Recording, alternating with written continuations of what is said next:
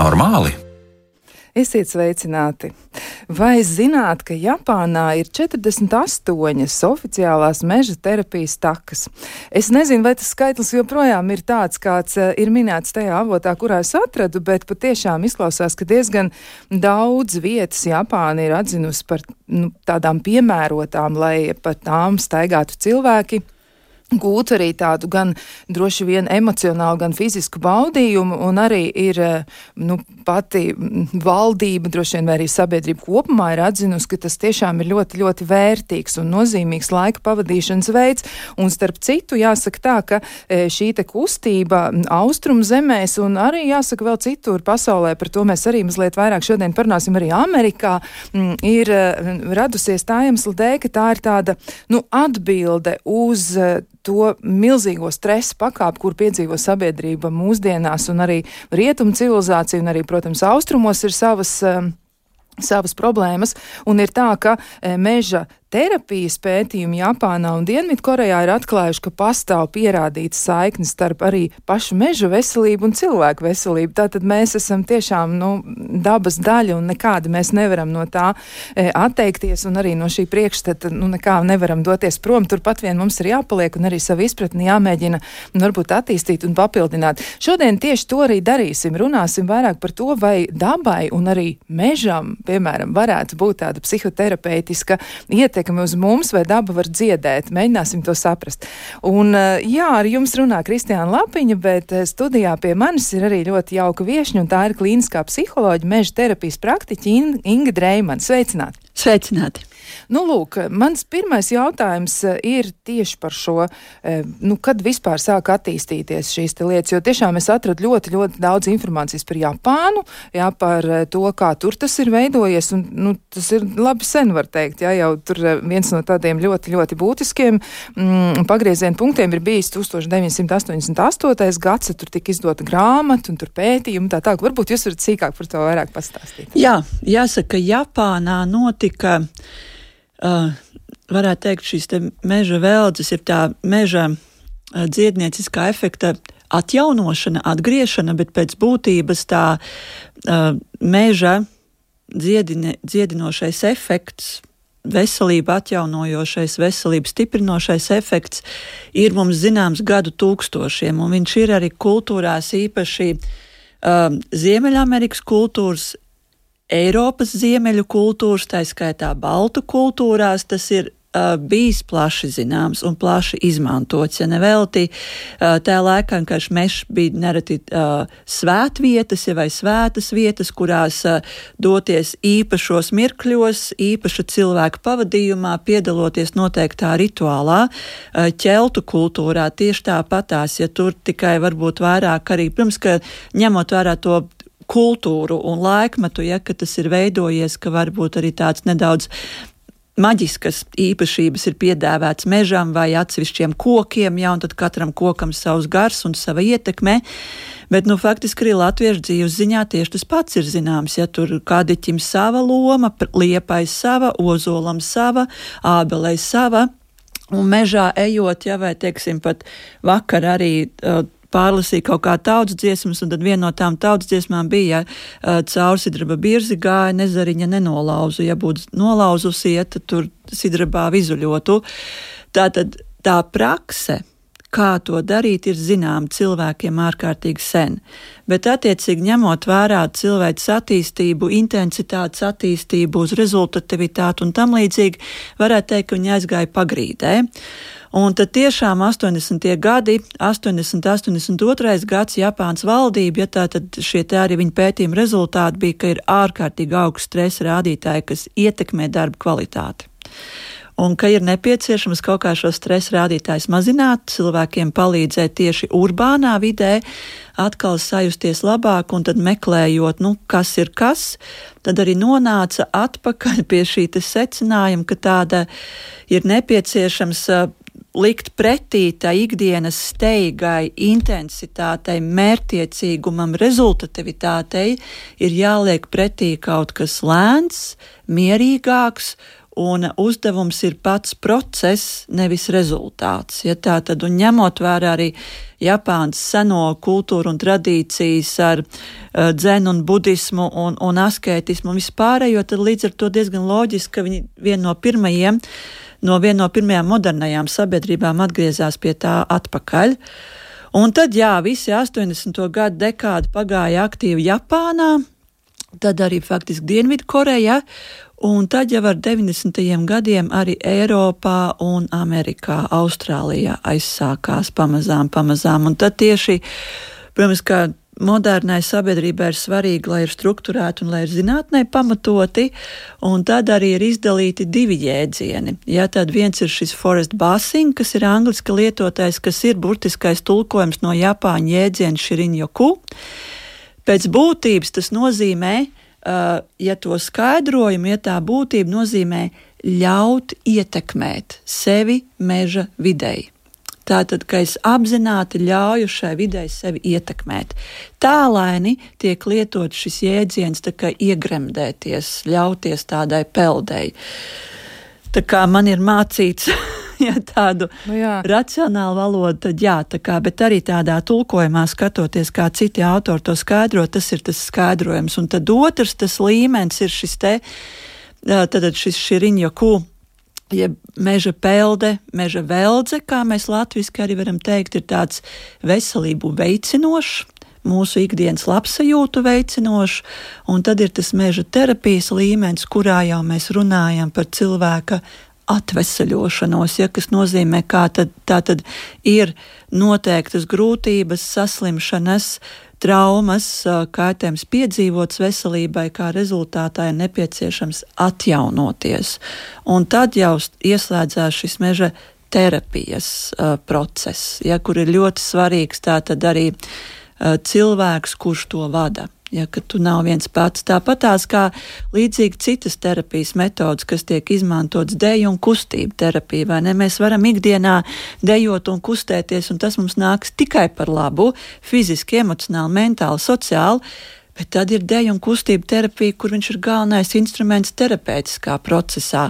Mākslas terapija tieši tāpatās. Mēs varam ikdienā zīmēt, izklaidē, mācībām, sasniegumiem, visam, un tas mums arī nāks tikai par labi, bet tad māksla var darboties kā terapeitisks instruments, atvesaļot, atjaunoties. Ja, tā tad tik tālāk uz priekšu, un tāpat tās faktiski mūsdienu zinātne ir nonākusi līdz tam, ka mežs var būt vidē, kurā mēs jūtamies labi un ikdienā savu dzīves kvalitāti uzlabojam, bet tad mežs var būt vide un telpa, kurā mēs atvesaļojamies. Man liekas, eh, Japānā es tiešām nekā nevaru sevi atzīt par tādu ļoti lielu Japānas kultūras eh, un arī varbūt sociālas vidas pazinēju. Man ir ļoti, ļoti fragmentārs zināšanas, bet tas mans priekšstats ja, par šo zemi un arī vispār par šiem cilvēkiem varbūt ir ļoti, ļoti stereotipizēts un ļoti tāds primitīvs, bet man liekas, ka tieši tur arī varbūt viņi savulaik ir nonākuši pie tās pretrunas, jo man liekas, ka arī Japānas dārzi, kādi viņi ir, kā ir ierasts domāt, ja viņi tādi ļoti, ļoti pārvaldīti, tādi ļoti strukturēti, ļoti kontrolēti.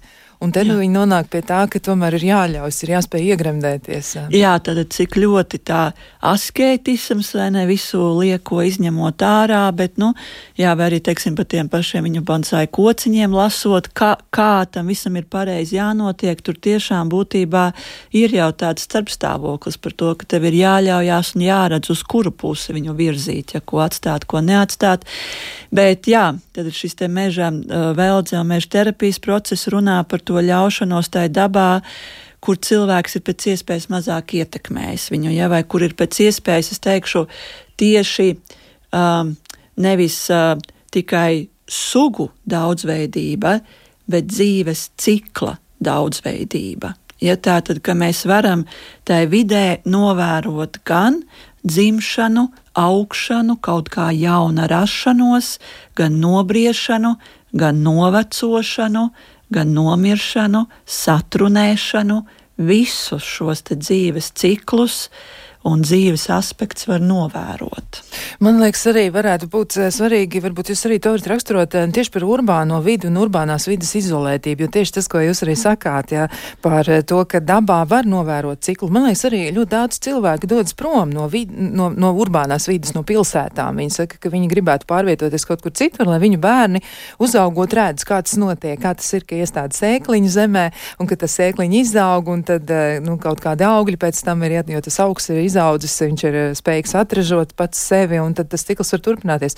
Vai tas varētu būt arī nu, kaut kas tāds, kas vēl vairāk varbūt nu, liek sabiedrībai ilgoties pēc kā tāda, kā meža, meža terapija? Uh, jā, un tas, kas arī pētījumos ir apstiprināts, nu, ko cilvēki ar gadu simtiem ir zinājuši, bet varbūt nav varējuši noformulēt tieši tā dabiskā Uh, neperfektā vide ir tā, kas veicina arī tādu fizisko attīstību un pārvaldību. Ja cik bērniem ir svarīgi, ka viņi var skriet pa to reljefu, kur ir tās koku saknes, kur ir aizķeršanās, čiekuri, zīles, uh, sakaltušas zāles, sūnas, akmeņi. Ja tā, kaut vai tā reljefa dažādība, viņa arī fizisko veselību palīdz stiprināt un tā skaitā arī mentālo un tādo psihoemocionālo kopumā. Un, jā, un, un, un ir ļoti skaisti uh, parki, kuros ir skaisti rožu krūmi un, un skaisti veidoti uh, koki un krūmi kopumā, vai kādas zāles, bet faktiski cilvēks ilgojās pēc kaut kā nepieradināta, ja pēc kaut kā ļoti dažāda, kas mūs izrādās arī vairāk nomierina. Pirmajā brīdī nāks pārvarēt to pagaidu, kas tad tagad, kas tie tagad pa tādiem plušķiem tur aug, ja tā teikt, ja ar vienu, kas ienāk arī pilsētas ainavā, ja, ka tie zālāji dažādi un, un graudzās, un kas, kas tas tagad ir, bet tik līdz ļauj sev to pārvarēt, tā faktiski jā, iestājās lielāks miers. Un um, nāk prātā pavasar klausījos um, Ainava arhitekta psihoterapeitu no Ukrainas, un viņa stāstīja savu pieredzi uh, vienā no slimnīcām Ukrainā. Jā, un saka, tad, kad uh, viņa veidoja šo te vidi, kurā ir zāle, krūmi, nu tāda mežonība, kad cilvēki labprāt tur uzturējās arī no vietējā rajona. Un tad, kad viņi uz pusgadu devās projām, dēļ kara, nu tad tas, kas bija tas dārzs, bija ļoti iekopts, bija ļoti apgriezti krūmi, ļoti nopļauta zāle, bet tajā nebija cilvēku. Ja? Un tad atkal, kā viņi stāstīja to pieredzi ar slimnīcas vadību, iedojoties, ka tomēr ir jāatgriež atpakaļ tas tāds mežonīgums, un līdz ar to arī cilvēki atgriezās tur atpakaļ. Jā, šķiet, tas varētu būt saistīts arī ar to vēlmi kontrolēt un pārvaldīt, jo man, man pašai arī jāatzīst, ka man tā reizēm ir, es skatos savu dārzu un ir tur kāds krūms, viņam tur kāds zariņš ir izaudzis. Man liekas, ka viņš tur ir jāpārvalda, viņš jādabū atpakaļ ir tajā kopējā siluetā, bet uh, tieši tas varbūt arī nav jādara. Un, uh, Jā, jo šeit ir tā būtība, tā tad ļaut sev ietekmēt tai videi tāda, kāda viņa ir. Ar visām sajūtām, ar smaržu, redzi, dzirdi, tausti, garšu, līdzsvara sajūtu un visu pārējo. Ja, tātad, ka tā vide tāda, kāda viņa ir, tai videi ļaut mūs ietekmēt, nevis ka mēs viņu pārveidojam. Ja, tātad, tas ir tas galvenais uzdevums un izaicinājums, un ļauties ar visām sajūtām, ja nevis tikai iziet skaisti pastaigāties, bet pēc būtības, eh, kas ir pilnīgi pieņemama, un es pat arī tā daru tomēr, bet nu, atzīstot, ja viens ir iziet ārā, bet klausījās podkāstus, ja vai kādus uh, mūziku, un līdz ar to to meža skaņu jau vispār nedzird. Ja, tā tad nu, mēs varbūt vizuāli ļaujos ierobežotā daudzumā, bet uh, to nedzird. Vai, teiksim, uh, ir atšķirība, vai es eju mežā, dodos mežā skrienot un orientējoties, vai es dodos mežā ārkārtīgi tiešām lēnā tempā, lai ļautu sev pamanīt to, kas ir apkārt. Jā, vai cilvēki vispār ir gatavi to mācīties darīt, ja mēs tieši domājam, varbūt par to pirmo soli, ja par to iegremdēšanos tajā meža vidē vispār un mežā, kā viņiem ar to uh, veicas, vai viņiem izdodas, jo tiešām, nu, ja mēs klausāmies mūziku, mēs klausāmies podkāstu, vienalga, ko, tā jau ir mūsu apziņa, tomēr, nu, tiek uh, aizrauta prom, ja mēs uh, neesam fokusējušies uz to, kas ir ap mums, bet mēs esam vairāk tā kā pakļauti tam, kas notiek tās ausīs. Jā. Cilvēki arvien vairāk ir gatavi to mācīties un teikt pat no jauna mācīties, pārmācīties, ja kāda liekas, kādi ir tie priekšstati. Un arī kāda kundze nāk prātā no rudens pastaigas, ka viņa minēja, nu viņa jau mežā savus 70 gadus aktīvi staigā, un viņa atnāca doma, nu kas tad te būs, ko tad tu man jaunu pastāstīsi vai parādīsi. Un tad tas viņas secinājums pastaigas beigās, viņas ir kaut ko tādu, es piedzīvoju pirmo reizi mūžā. Ja tik tiešām mācoties no jauna, var to iemācīties arī pašmācības ceļā. Ieteiksim, varbūt kaut ko vairāk palasa vai seko, to var darīt, bet tieši tāpat kā ar jebkurām meditācijām, apzinātību, stresa pārvaldīšanas tehnikām. Un bieži vien ir labi, ka mums ir cilvēks, pie kur mēs varam vienu, divas reizes aiziet, un tad kaut kādas pamatlietas mums palīdz apgūt tā teikt klātienē un esot kontaktā. Un tiešām palīdzot vērst uzmanību uz visām sajūtām un uz tā tempa palēnināšanu. Viens no lielākajiem izaicinājumiem gan pieaugušajiem, gan pusauģiem ir patiešām ļaut sev samazināt to tempu. Cik tad ir um, tas temps? Jo es, es zinu, cik ir skaitlis. Jā, man te pat acu priekšā ir. Jūs arī esat vienā no intervijām to minējis. Es arī atradu m, mm, citos avotos, jā, tiešām arī jūs kolēģi citās valstīs saka, nu, ka tur ir. Tad varbūt savā ziņā nu, tādā labvēlīgā veidā nošokējiet publiku. Jā. Uh, Šriņa kūta, tātad Japāns takas, kas ir izveidotās, viņi ir aprakstījuši, ka vidēji viņa temps ir 2 līdz 4 km stundā meža pelde, meža veldzes temps ir kilometrs līdz 3 km stundā. Meža terapijas temps ir 500 metri līdz 1,5 km stundā.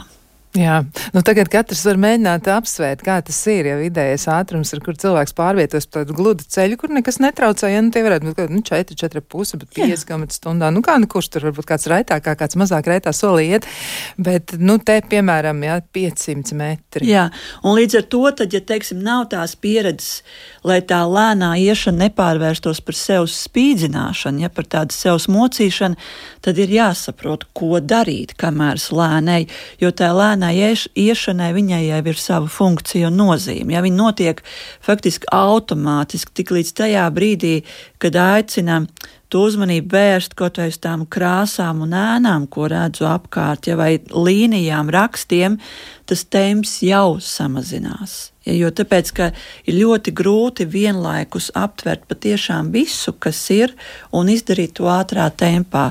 Jo ikdienā mums tomēr ir tā selektīvā uzmanība, uztvere. Ja mēs galvenās lietas uztveram, patīk, nepatīk, pazīstams, nepazīstams, apdraud, neapdraud un vispārējais izplēna.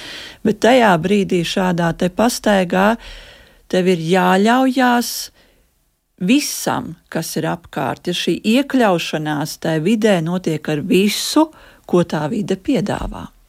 Jā, bet kā ir? Cilvēki atbrauc pie jums un, un uh, ir gatavi doties ceļā, un tiešām varbūt viņiem ir tas vilinājums, ja? Tā kā vai nu iet ātrāk? Vai... Jā, protams, jā.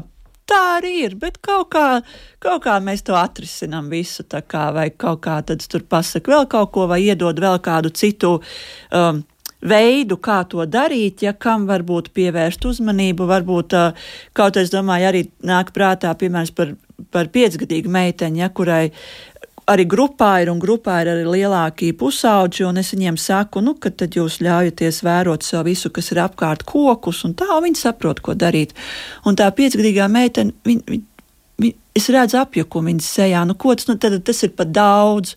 Un tad es viņai dodu citu uzdevumu, ka rekur, rekur ir vien, viena puķe, ja, un izpētam to puķi. Un viss, un, un viņa automātiski tur apstājās, viņa sāka pētīt, un man pat vispār nekas vairāk nebija viņai jāsaka. Viņa man atklāja to augu, faktiski no jauna, ja ļaujot pamanīt to, kas tur ir, un tur blakus arī nātres, un tad tagad kā pieskarties nātrēm tā, lai nesadzeļas. Ja? Un tad visai pusauģu grupai pēc tam bija aktivitāte, kā pieskarties tā, lai nesadzeltos, ja? un, un ļauties arī tiem dzēlieniem, ja tā tad, un pēc tam kasīties, tā teikt. Nu jā, maz drusciņi tur sekas ir. Jā. Bet, ja drīkst jautāt, kā jūs pati nonācāt tieši līdz šim virzienam, jo tas tiešām nav bijis populārs šeit pie mums. Tieši tiešām pasauli jau nu, savus gadus 50 ļoti cītīgi pie tā piestrādā. Un man liekas, arī Amerika, nu, tie bija kaut kā 2010. 12. kaut kur ap to laiku, ja tie gadi viņi arī ļoti, ļoti aktīvi iesaistījās. Um, bet kā jūs pie tā nonācāt? Jo nu, jums taču droši vien nu, bija kaut kādi jautājumi, varbūt par saviem klientiem, par saviem pacientiem, varbūt par savu praksi, un, un te nu ir. Daudz jautājumu bija. Jā. Viens no tiem bija tāds, tā man paša dzīves pieredze, ka tomēr nu, tā daba prasīja sauca, ja ka visu laiku vajag doties pie dabas, tomēr kaut kas tur ir. Un tad sāk kaut kur ik pa laikam kaut ko lasīt, un, un tā fonā parādījās tā informācija, ka vispār pētījumi apliecina, ka būšana dabā mums uzlabo veselību, un tad sāk par to tā lasīt vairāk. Un tas, ko vēl es atklāju, ir strādājot ar cilvēkiem, ka, piemēram, jā, tiešām arī no manas puses kaut kādā mērā nāca tas augstprātīgais ieteikums, nu, ka ir jāiet dabā. Ja tā kā nu, uzlabot savu psiholoģisko veselību, nu izēja pastaigā. Jā, jā, tas ir tipiskais ieteikums. Tipiskais ieteikums no mums kā speciālistiem. Un tad tās sejas, kad tas klients, kas ir kārtējais, kurš šo saka, viņš saka, nu, ko man tur darīt? Saprot, jā, ko tur darīt? ja kādā veidā, lai tas nekļūst aizkaitinoši, ja lai tas nekļūst tiešām, nu, tagad te dabā, ja, bet ko tur darīt, kā tur rīkoties. Un tas bija tāds, tātad, nu, ka no vienas puses, kā, jā, tur ir tas atjaunojošais efekts, un tev atgriežas tāda līdzsvars sajūta un tā pārliecība, bet kā to sasniegt, ja tā tad ir kaut kādas prasmes, kuras varbūt manī iekšēji ir, bet es nevaru viņas pastāstīt. Es neprotu viņas noformulēt vārdos vai konkrētā tādā metodē, kā to iedot.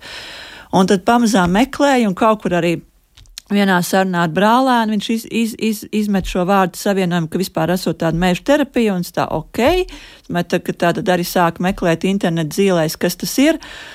Un man pagāja divi, trīs gadi, līdz es pieņēma lēmumu, kurā skolā mācīties. Ja tad skatoties, kāda pasaulē ir šie virzieni, nezinātājs, bet cenšoties saprast, kas ir tā atšķirība starp viņiem.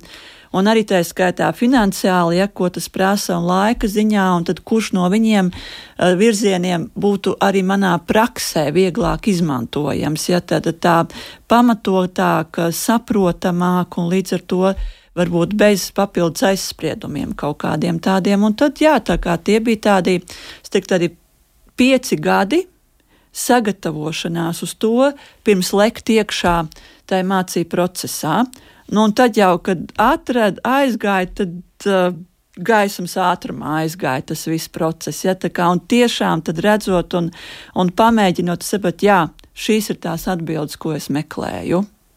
Jā, tas tiešām ir ļoti, ļoti iedrošinoši un tā, man liekas, arī tā ļoti aizraujoši. Bet uh, varbūt jūs varat arī mēģināt aprakstīt, nu tad tā ļoti, ļoti burtiskā veidā. Nu, tā tad, piemēram, cilvēks izvēlas eh, meža terapija, viņam, nu, varētu būt piemērot, viņš iepriekš izrunājis, piemēram, ar jums, un jūs sakāt, nu, jā, varētu derēt, jo ir jau noteikti arī cilvēki, kuriem nederēs. Jā, tieši tā.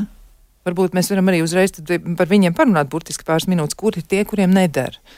Nu, pirmkārt, vai cilvēks ir gatavs, nav gatavs, grib mēģināt, negrib mēģināt. Ja, teiksim, man arī ir uh, cilvēki, kuriem ir tieši ar dabu saistītas nu, tādas traumatiskas pieredzes. Nu, varbūt pazudis mežā. Jā, jā. pazudis mežā vai nu, tā, kaut kādi attiecību notikumi ir notikuši dabā, un pirms tam ir jāpārvar šie te, uh, attiecību pārdzīvojumi, un tad var iet uh, dabā. Uh, Ja tā tad um, teorētiski jau der uh, visām vecuma grupām, cilvēkiem ar dažādām uh, veselības grūtībām, gan risinot fiziskas veselības grūtības, gan arī psihoemocionāls Eh, man pašai nav pieredzes, ja kā teiksim, strādāt ar cilvēkiem, kam ir redzes un dzirdes traucējumi. Es zinu, ka mani kolēģi Eiropā to dara, eksperimentē un ir savi izaicinājumi, viņi ir nenormāli priecīgi, kad viņas izdodas pārvarēt. Ja teiksim, man pašai šādas pieredzes nav. Līdz ar to es šobrīd pagaidām arī teiktu, ka nē, es droši vien arī neuzdrošinos, kamēr es neesmu no kolēģiem varbūt papildus to mācījusies, ja kas ir tāds nianses, ko ņemt vērā.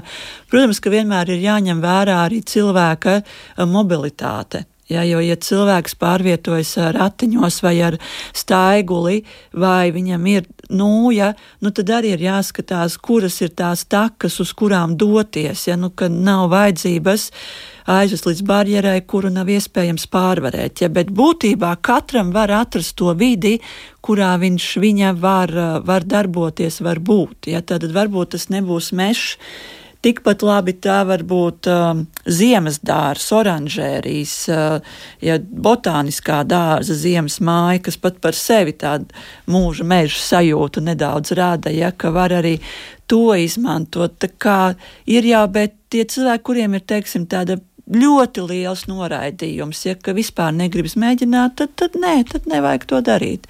Ir tiešām daudz terapeitiski virzieni, ko mēs katrs varam izmantot. Ja. Bet tas, ko tikko atcerējos, gribēju piebilst, kas vēl manī mudināja izvēl, izvēlēties šo virzienu, bija vispār tāda skatījuma maiņa uz veselību. Ja tas, teiksim, kā meža terapija skatās uz veselību, būtībā veselība tiek paplašināta ārpus cilvēka robežām. Ja man kā psihologam mācīja, viss cilvēks ir centrā, cilvēka psihe ir centrā, viss, kas notiek cilvēka dzīvē, ir viņa uh, cēloņi, veicinošie riska faktori. Ja? Tātad, bet tā doma, ka cilvēks ir centrā. Un tas milzīgais atklājums, kurš tā pakāpeniski manī auga, bija tāds, ka šī te meža terapija skatās, ka veselība ir kaut kas plašāks kā cilvēks. Ja, tātad tas tiešām ir cilvēks, kopiena, vide, dabas telpa, ja tā tiešām, un tad tur ir viens no veselības aspektiem ir vides veselība. Ja tātad kā, cik vesela, cik dabiska ir tā vide, kurā man ir iespēja uzturēties. Un ja šī vide nav vesela, tad automātiski ir tā doma, ka tas līdz ar to arī cilvēka veselība nevar sasniegt savu maksimumu, ja dzīvo neveselīgā vidē. Jā, tam varētu būt tiešām tāds ļoti skaidrs uh, sakars vienam ar otru. Tā ir. Un arī nu, jā, tie pētījumi, kurus es te pašķirstīju, saka to pašu, ko sakāt jūs par to, ka tas tā tiešām ir. Bet um, mēs mēģināsim parunāt par to, kā tas ir būt tajā pirmajā, varbūt pirmajā seansā un paskatīties, nu, varbūt tā, nu, tā iedomātā veidā, kā tas notiek. Bet uh, šajā brīdī mums ir nepieciešama ļoti, ļoti maza pauzīte.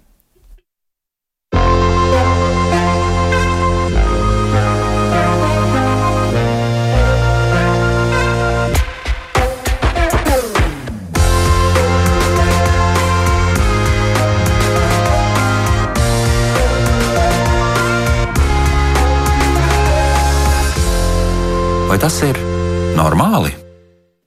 Turpinām sarunu. Mēs runājam par to, kā iepazīt sevi, eh, kā ieraudzīt sevi kā dabas daļu, kā sajust sevi kā dabas daļu. Un, eh, ja konkrētāk šodien runājam vairāk par meža terapiju, bet sākām ar to meža meža peldi, bet tas ir tāds pārnests nozīmes jēdziens. Ja, tur būtu jāsaprot tas drīzāk citādi kā tāda iegremdēšanās meža vai dabas piedāvātajā daudzveidībā, skaņās, smaržās, krāsās, garšās.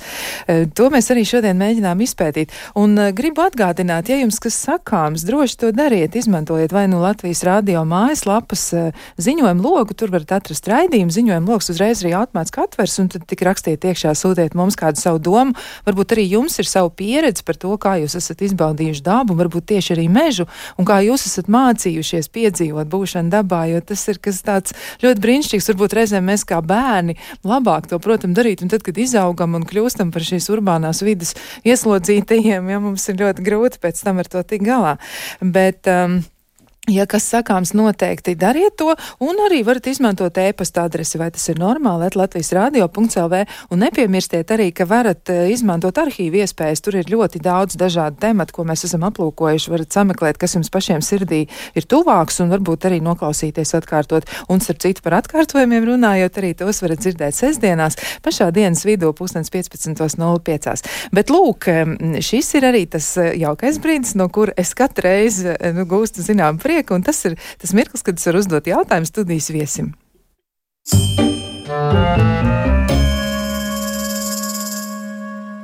Nu, šoreiz, ņemot vērā gada jaunās noskaņas, eh, kā mēs esam nolēmuši arī tālāk virzīties, nebūs arī jautājums par to, vai tas ir normāli, tas vai cits, jā, bet būs jautājums tieši par tematu un arī studijas viesim veltīts. Un eh, šis jautājums būs um, par to, kas ir jūsu pašas, nu tāda, nu kā lai pasaka, visiespaidīgākā pieredze dabā, kas jums ir bijusi. Varbūt jūs ir apbūrs kāds kalns vai aizrāvus kāda upe vai kas, kas tāds. Um rītausma mežā pēc negulētas nakts. Tas ir skaisti. Jā. Tas ir brīnišķīgi. Bet jā, tieši faktiski pēc tādas negulētas nakts un vispār piedzīvot nakti mežā. Un, un tā pirmā reize bija, jā, kad es piedzīvoju to tā apzināti gāju un, un viena pati. Ja, un tad ne ugunskurs, nekā pilnīga ļaušanās visai tai vidē un dzirdot visas tās skaņas un smaržas kaut kas fenomenāls. Bet man pilnīgi, tas ļoti, ļoti sievišķīgs jautājums. Jums nebija bail, jūs vien gājāt. nu, es gāju ar mērķi, jo es zināju visu mūžu, ka man ir bail no mirkļa attapties mežā naktī vienai pašai. Un psiholoģija māca, nu, tas, no kā ir bail, ar to ir jāiet, jāsastopās. Jā, ekspozīcijas terapija. Jā. jā, un tad es uh, pieņemu lēmumu, ka jā, ir laiks to darīt, un tad vienu pasākumu ietvaros arī to darīju, un, un dienas laikā atradu vietu, kur es tā kā, nu, pa nakti būšu, lai, ja kas man var nākt meklēt. Un tad uz to noskaņojos, un tad, tad kad tā vakar puse bija tāds, tad devos uz mežu, un tad pamazām iestājas tā krēsla. Un tad es attopos, ka tiešām ir nakts, ir tumšs, un es esmu viena pati, bet baiļu vairs nav. Jā, lieliski. Un tā, kā, tā bija fantastiska pieredze. Nu, lūk, bet eh, te mēs varbūt arī varam atgriezties atpakaļ pie mūsu temata. Un uh, mans jautājums ir uh, nu, par to, kā tas ir. Nu, ja mēs domājam tieši par meža terapiju, nu, kā tad izskatās šī pirmā reize? Ar ko tad vispār sāk? Uh, katra nodarbība sākās diezgan vienādi. Ja tā, tā ir tāda savu visu maņu aktivizēšana, ja tā tad secīgi uh, ir dažas minūtes līdz pat desmit atkarībā no laika iespējām un no cilvēka pieredzes. Ja tā tad, ka piemēram divas, trīs minūtes veltā visu savu uzmanību tam, ko es redzu apkārt. Ja bez tādiem, kas ir vissmukākais, visiespaidīgākais, bet vienkārši ko es redzu. Nu, bez vērtēšanas. Bez vērtēšanas, jā, kādas krāsas, kādas formas, pat arī bez savu zināšanu pārbaudas, ja kādus augus un kokus es redzu. Vienkārši konstatējot faktu, kas ir tas, ko es redzu. Tad nākošās uh, minūtes ir veltot savu uzmanību skaņām, ko dzird apkārt, ja, un tad pat var apstāties un aizvērt acis un, un ieklausīties, kas ir tās skaņas priekšpusē, aizmugurē, pa labi, pa kreisi, tuvāk, tālāk, un, un esot to skaņu tādā uh, simfonijā, un tad arī kā viens zēns pēc tam, ka jau uz pēkšņi sāk dzirdēt bites, ja, kas dūts blakus, ja, bet tā ejot kustībā, vispār nevarēja viņas dzirdēt. Nu, tad nākošais ir piemēram ja, pieskāriens, ka ļaut sev pieskarties tām dažādām tekstūrām, ja tās lapas un stumbrs var pieskarties ar plaukstām, var pieskarties ar pleciem, var ļaut tiem krūmiem pieskarties sejas sādai vai zirnekļu tīkli, ja kuri pēkšņi pieskarās sejas sādai, un parasti mums instinkts viņus ir purināt nost, ja, bet tajā brīdī tā ka varbūt ļauties tam, un tam arī atkal tāds dažas minūtes veltot, un tad paliek smarža, un ļaujot sev arī sajust uh, kāds ir dažādās tās smaržas, vai, teiksim, ziemā smaržu ir grūtāk sajust, bet kaut vai, piemēram, tā gaisa vēsums un dzestrums, ja ļaujot sev to sajust, bet arī ziemā ir brīnišķīgas smaržas, ko var, ko tas pat čiekurs un mizas un, un, un priežu skujas, kadiķu skujas un, un vēl tās lapas satrunējušās, ja viņām arī ir tā sava cita smarža klāt un paliek garša. Ja, tad arī atkarīgs no cilvēka zināšanām, ja tā tad un, un viss ir galvenais, ja nezin, kas tās ir pa ogām, nēst, lai cik viņas skaisti sarkans izskatās, ne, bet labāk nē. Bet, nu, ozola lapu pagaršot, nekas traks nenotiek, vienu skuju pagaršot, ar nekas traks nenotiek. Ko vien gribās, tieši tāpatās, ko var darīt. Var ļaut sev paņemt līdzi no mājām kaut ko, vak vakardienas pieredze ķirbja gabaliņš un ļaut sev mežā. Tātad, kad visas tās maņas ir sāsinātas, to ķirba gabaliņu lēnām uh, izgaršot. Ja kā tas ir, man patika vienā grāmatā jautājums bija, vai tu atceries pirmo reizi, kad garšo jābolus? Sapratu, nē. nē. Un, un tad tas aicinājums bija pamēģināt apēst ābolu tā, it kā tu viņu ēstu pirmo reizi. Ja? Es domāju, es domāju, sābolu neatceros, bet es aptuveni atceros banānu, ja, kad pirmo reizi ēdu. Nu, tad kā atkal ar šo te ļauties ar to pieredzi, līdzsvara sajūta, ja, ļaut sev staigāt lēnām pa dažādām virsmām, pa to grantēto celiņu, pa sūnām, pa sausu zāli, uzkāpt uz tiem čiekuriem. Ir pat arī klātienē mēs parādām veidus, kā uzkāpt uz čiekuriem, lai nav sāpīgi. Ja, tā tad, lai nu, nav vajadzības liekas sāpes izraisīt, ja, liekot pirkstgalus pa priekšu un pēc tam papēdi vai otrādi, ja tā tad, un ļaujot sev sajust, kā tā gaita mainās un kā viss notiekās. Un tam paiet tāds krietens brīdis, ja tā kā, bet uh, ikdienā pietiktu arī ar šo visu, ja tā kā, un tad, ja divreiz nedēļā, trīsreiz to dara, tad mums jau ir tāds efekts savs. Nu, tad mēs liekam klāt nākošos kaut kādus tādus uzdevumus. Ja tur, piemēram, kas man pašai ārkārtīgi patīk, un kad pirmo reizi tā apzināti to darīja, bija nu, divas, trīs minūtes es skatos uz kaut ko kustīgu dabā. Vai nu tas ir ūdens, vai zars, kas šūpojas vējā, skudras, bites, kaķis. Tas var būt jebkas, ja tāds divas, trīs minūtes. Un pēc tam divas, trīs minūtes skats uz kaut ko nekustīgu, akmens, stumbrs, jebkas. Un, nu, to grūti izstāstīt, kas notiek tajā brīdī ar to prāta stāvokli, ja kad šādā veidā ļaujās, bet tie veidi ir ārkārtīgi daudz un dažādi. Un tad ļaut sev klejot pa to vidi, kas vispār ir šobrīd atzīmēts ar vien vairāk un vairāk, ka cilvēkam psihiskās veselības tādai uzturēšanai ir nepieciešama pieredze doties prom. Tāpēc mēs visi sapņojam atvaļinājumos doties uz pasaules otru malu vai kaut kur. Ja? Tad pirmkārt tā došanās prie, prom, un otrkārt, kas ir cilvēkam svarīgi, tā ir klejošana. Tieši klejošanas pieredze, tāda klaiņošanas pieredze. Un mežā mēs varam iegūt abus. Man uzreiz nāk prātā Austrālija ar to senu aborigēnu kultūru. Viņiem ir jā. šis jā. vienkārši došanās kaut kur. Ja. Un, un tas īpaši, teiksim, arī mēs domājam par pusauģiem, ja, kur skaitās problemātiski. Ja, mēs no viņiem varam mācīties klejošanu. Viņi rajoni ir izklejojuši līdz pēdējiem pagrabiem, ja, bet tas klejošanas, klaiņošanas patērns, viņš viņos ir ļoti dzīves un aktīvs. Par ko tas ir? Tas ir par atklāšanu, par vajadzību piedzīvot ko jaunu, pārvarēt. Tā ir skaitā, un tas ir par ļaušanos, par kontrolas samazināšanu, par noņemšanu, par ļaušanos nezināmajam un par atgriešanās sajūtu, ja par atkal un atkal tādu orientēšanās atgūšanu, kur tad es esmu un uz kuru pusi virzīties, ja tā ir, bet primārjā tā ir tā ļaušanās, un tiešām tad ir iespēja ieraudzīt kaut ko jaunu arī dzenu. Jā. Jā, varbūt arī jūs varat uh, vēl raksturot nu, to zinātnisko pusi, tā būtu ļoti īsi, bet tomēr, nu, kas ir, nu, pieņemsim tā ļoti vienkāršot runājot, ir, ir slodzes sistēma, ja, kas strādā tad, kad mēs uztraucamies un esam noraizējušies, un ir sistēma, kas mums palīdz e, atbrīvoties. Ja, nav jau gluži tā, ka ir izslēgta viena un ieslēgta otra, ja, bet, bet tās darbojas nu, visu laiku nepārtraukt abas divas. Ja, šajā gadījumā runa vairāk ir par to tā saucamo veģetatīvo vai autonomo nervu sistēmu sistēmu. Varbūt tomēr ir vērts paskaidrot cīkāk, eh, kā tas strādā, jo cilvēki varētu arī uzdot jautājumu, nu kā tad, nu tagad es iešu vienkārši mežā, ja, nu labi, nu mācīšos neuzkāpt uz čiekuru sāpīgi un skatīšos Jā. uz kokiem, bet, nu, kā tad tas darbojas? Jā, tas darbojas tā, ka tāda tiek aktivizēta vairāk tāda šī te. Um, nervu sistēmas sadaļa, ko mēs saucam par parasimpatisko nervu sistēmu, ja, kura tiešām galvenokārt ir atbildīga par mūsu tādu atjaunošanos. Un viņa tiek uh, atjaunota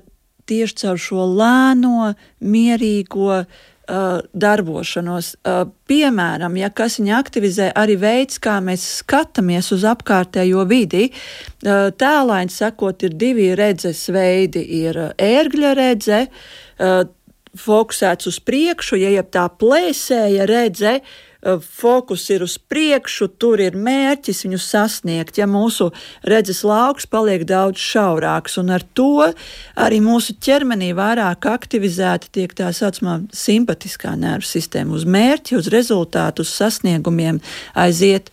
Un tad otra ir tā saucamā stirnas redze. Jā, ja, perifēra, jā. perifēra, ka viņi skatās uz sānu vairāk, ja ka viss plašāk. Un, un tas viens no skaidrojumiem ir, ka nu, tāpēc arī tā stirna var paēst. Nu, vispār, jā, vispār jo, ja viņi būtu šitā, te viņi, viņi pat nevarētu paēst. Ja, tāpēc tas ir tāds arī izdzīvošanas nu, mehānisms, kas ir attīstījies, un tad mēs paši arī sev, cik daudz mēs skatāmies konkrēti uz priekšu, tagad man ir jāiet tur, un, un es neko citu nepamanu, vai ļauj sev apstāties un izpētīt to ainavu, nu, nosacīti no vienas malas līdz otrai, ja, vai kaut vai sākt ar to pašu mājas sienu, ja, un kas ļauj viņu sev tā plūstoši no vienas malas līdz otrai izpētīt, atverot šādā veidā vaļā.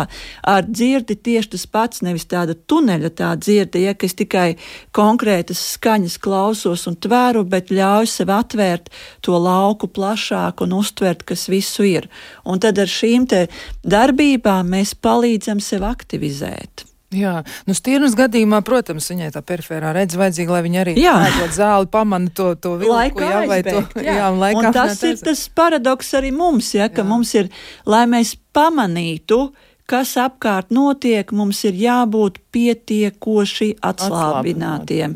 Ja mēs paliekam pārāk mobilizēti, mēs īsti vairs nepamanam, kas notiek. Mēs pazaudējam plašumu, mēs pazaudējam kontekstu, un līdz ar to veidojas dažādi pārpratumi, sācinājumi. Mēs paši sev, ah, vot šitā sliktā diena, nelaime nenāk viena, ja notiek viena lieta, otra lieta, ar mašīnu nokavēju, tagad šitas un vēl kaut kas, vēl kaut kas.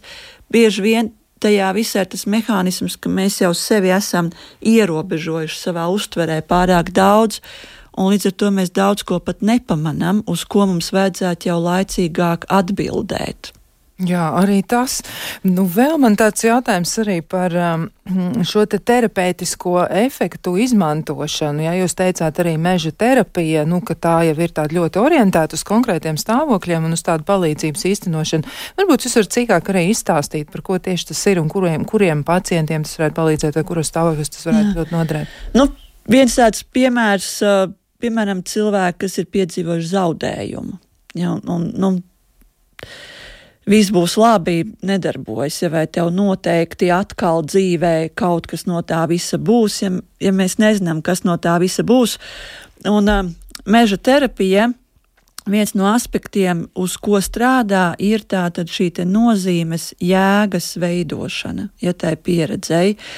Un uh, mūsu dzīvē patiešām ir dzīves pieredze, uz kuru nav atbildes jautājumam, kāpēc tas ar mani notika. Ja vai tā atbilde ir neapmierinoša, viņa nav pietiekoša, ja vienalga tā netaisnības sajūta saglabājas. Un tad, piemēram, ejot dabā, ļaujoties tai pieredzē, tiem novērojumiem, ir vieglāk atkāpties no jautājuma, kāpēc, jo nu, tas notika, bet veidot to nozīmi un jēgu, nevis atrast bet veidot viņu. Tad tā pieredze ir piedzīvot, bet māmiņa ir jāpadara par savu dzīves daļu. Ko ar viņu darīt, no, nu, kā, kā no viņas, kā, kā viņu pārvērst par kaut cik jēdzīgu stāstu savā dzīvē. Un tad šī dabas pieredze var to iemācīties ieraudzīt. Ja kaut vai nu tie paši kritušie koki, ja varants ozols, ja tur spēka simbols, un viss pladākts, ja viņš ir nokritis, un ko tagad, ja, un tad, jā, koka dzīve ir beigusies. Bet koka stāsts nav beidzies. Ja tur, tur viss vēl notiek, ja tur pilnīgi cita dzīves līmenis parādās, un tāpat tās ir arī mūsu dzīvē, ka kaut kas beidzās, bet tas stāsts jau nav beidzies, un mēs viņu varam transformēt, un līdz ar to to savu dzīvi pieņemošāk dzīvot tālāk trauksmes samazināšana, ja tā tad arī tāda sevis, nu, ka es ļaujos tām dažādām skaņām un smaržām, ja tā ir dzīves dažādībai, tā tad, ā, nu, re, kur viņi visi sadzīvo, ja tā tad, un arī, piemēram, ieejot tajā pašā mežā ar uzdevumu atrast vienu perfektu veselu koku mežā, nevis parkā, bet mežā. Nu, tas ir principā misija neiespējami ja katram kokam kaut kas būs.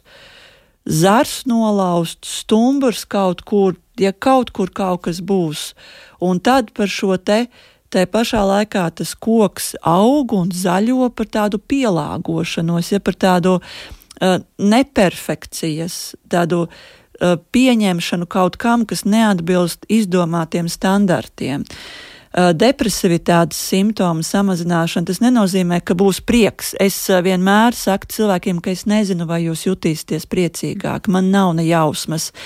Tas, ko es varu teikt, ka ļoti iespējams jūs jutīsieties mierīgāki.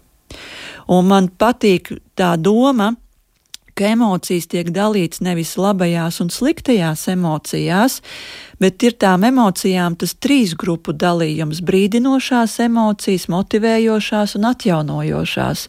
Un miers ir tā atjaunojošā emocija, ne? Un, tad, un, un depresija viņa jau pat par sevi patērē ārkārtīgi daudz enerģijas cilvēka, viņa ļoti lēni atjaunojas, bet ļoti daudz iztērē.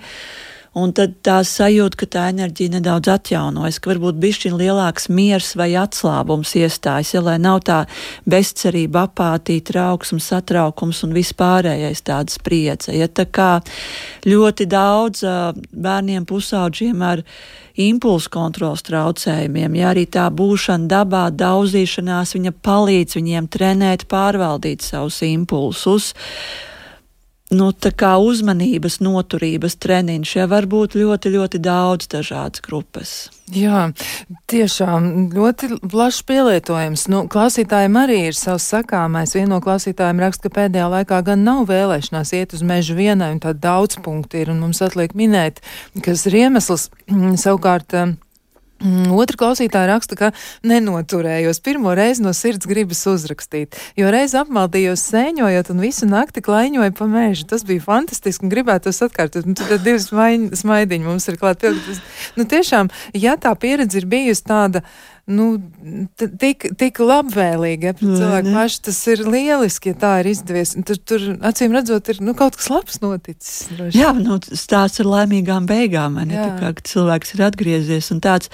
Un pilnīgi noteikti tāpēc ir jāņem vērā, ka cilvēks saka, nu, ka es nespēju iziet viens pats. Ja, un tad, teiksim, arī tad tas pavadonis vai terapijas praktiķis, viņš var būt klātesošs, kas palīdz šo drošības sajūtu saglabāt, ja, ka, tu, nu, ka es esmu tev klātesošs un arī tā cilvēcība, ja tā lēnām, mierīgi, tu vari būt jebkāds, nu, tā telpa, ja viņa nav četras sienas un krēsli, bet viņa tā dabas telpa, ja es palīdzu viņu saglabāt un vērot, ja, uz kura pusi mēs ejam, lai, lai būtu labāk, ērtāk cilvēkam. Jā, es arī zinu, ka daži kolēģi izmanto arī šādu praksi, ka viņi iet staigāt pa mežu konsultāciju, notiek mežā. Jā, jā, es arī tieši to pašu darīju, tad, kad vēl nebija apguvusi to metodi, ja, kad tas bija tieši ar jauniešiem, ka viņi saka, es, es nevaru nosēdēt vairs kabinetā, un es saku, nu labi, saka, visi saka, ģērbjamies un ejam ārā staigāt, un tad tad mēs varam runāt. Ja. Bet šeit, teiksim, tā atšķirība ir tāda, vai notiek konsultācija mežā, vai notiek meža terapijas sesija. Lietas, jā. jā, jo, teiksim, ja notiek konsultācija mežā, tad mežs ir tāds fons, ja, kas palīdz noņemt to lieko spriedzi, tur ir tā kustība, bet mums aktīvi saglabājas tā saruna. Tomēr meža terapijas un meža peldes nodarbības ietvaros sarunu ir ārkārtīgi maz. Un es viņas no savas puses pat uh, inicijēju minimāli tās sarunas, ja tur viņas ir daudz, daudz mazāk. Tur vairāk ir tiešām tā ļaušana iekļauties tajā vidē un ļaut sev piedzīvot, kā tā vide maina arī to emocionālo, mentālo, fizisko stāvokli. Kaut vai cilvēks piefiksē, ka viņam ir vieglāk elpot, ja sirdsdarbība ir palikusi mierīgāka, ir palicis augsti. Ja, un tad ir laiks atgriezties atpakaļ, ja, vai padzert siltu tēju. Jā, nu arī no Japāņiem nāk arī tas, ko viņi piebilst arī, nu, piemēram, par dzīvesveida slimībām. Ja viņi saka, ka dzīvesveida nu, dzīvesveida slimības mēs saprotam, ja stresa klātbūtne un arī tādas nu, tiešām diezgan būtiskas problēmas, kas cilvēkiem reizēm mēdz rasties arī nu, atkarību dēļ, ja, vai varbūt arī citu iemeslu dēļ. Dzīvesveids tiešām ir tāds, kas beig beigās rada sarežģījums. Arī šeit noteikti tas palīdz, vai ne? Jā, jā jo tad arī tāda arī nāk prātā pieredze no dalībnieka, ka viņš zini, es visu laiku domāju, ka es zinu, ko darīt mežā. Un, un viņa hobija bija sēņot. Ja? Man rāda gan smējās, kad es jau runāju par sēņošanu mežā. Bet, eh, un, un tagad es atklāju vēl vienu veidu, ko es varu darīt. Ja citādāk, kā es varu rīkoties, tiešām kā, nu, kā būt, ja kā iekļaut savā ikdienā. Un tas ir tas, par ko ne gluži meža terapijas kontekstā, bet uh, pavasarī pētot um, sporta. Uh, kultūras un tādu psiholoģisko ietekmi, un tā skaitā brīvo laiku, es atradu, ja tātad šī brīvā laika socioloģijas teorija, kas apraksta, tad, ka brīvais laiks nav tāds pārpalikums no mūsu ikdienas, bet ka brīvais laiks ir ārkārtīgi būtisks pašnoteikšanās procesā, un tas pats ir būtībā arī par to mežu un par būšanu mežā, ja tas jau nav tāda, nu, pārpalikuma variants, ko darīt. Ja? Kino izsmelts, lielveikals izsmelts, nu tad, nu tad dosimies uz mežu. Bet iekļaut mērķiecīgi viņu savā ikdienā, kaut vai vienu reizi nedēļā uz divām stundām. Nav vajadzības doties uz astoņām vai desmit stundām peldes un terapijas ietur divas stundas. Ilgāk nemaz to īsti nevar izturēt, jo tu esi tik ļoti intensīvs, ka pēc tam jau tās mājas vairs neņem pretī. Un tad jau vajag vai nu rīktīgā pārgājiena tempā iet vai pagulēt, vai skriet, vai atgriezties atpakaļ mājās, ja, bet ar to arī pietiek. Jā. Brīnišķīga pastaiga bija. Ne gluži pa mežu, bet uh, pastaiga, um, var teikt, tādā jaunā terapijas uh, virzienā Latvijā. Pasaulē, protams, tas jau ir vairāk pazīstams, bet Latvijā varbūt netik daudz speciālistu ar to nodarbojas. Un ļoti jauki, ka vismaz viens no viņiem atrada iespēju pie mums arī būt uh, šodien ciemos. Un tā bija meža terapijas praktiķa, klīniskā psiholoģija Inga Dreimana. Un ko nu lai mēs sakām, ja mūsu klausītājiem jūsu receptē rakstīts viens vārds mežs, lai nu būtu, ņemiet un eh, piepildiet to, kas tur uzrakstīts, un eh, no savas puses mēs novēlam, lai jums tiešām izdevusies eh, visa tā pastaiga, kur nu iecerēsiet, kur būsiet, lai tiešām laba veselība un lai izdodas arī atgūt līdzsvaru. Un no savas puses es teikšu, tiksimies kādu citu reizi, un to pašu jums novēl arī Iveta Zvēniec, kur šodien rūpējās par skaņu. Lai tiešām viss labi un līdz nākamajai reizei!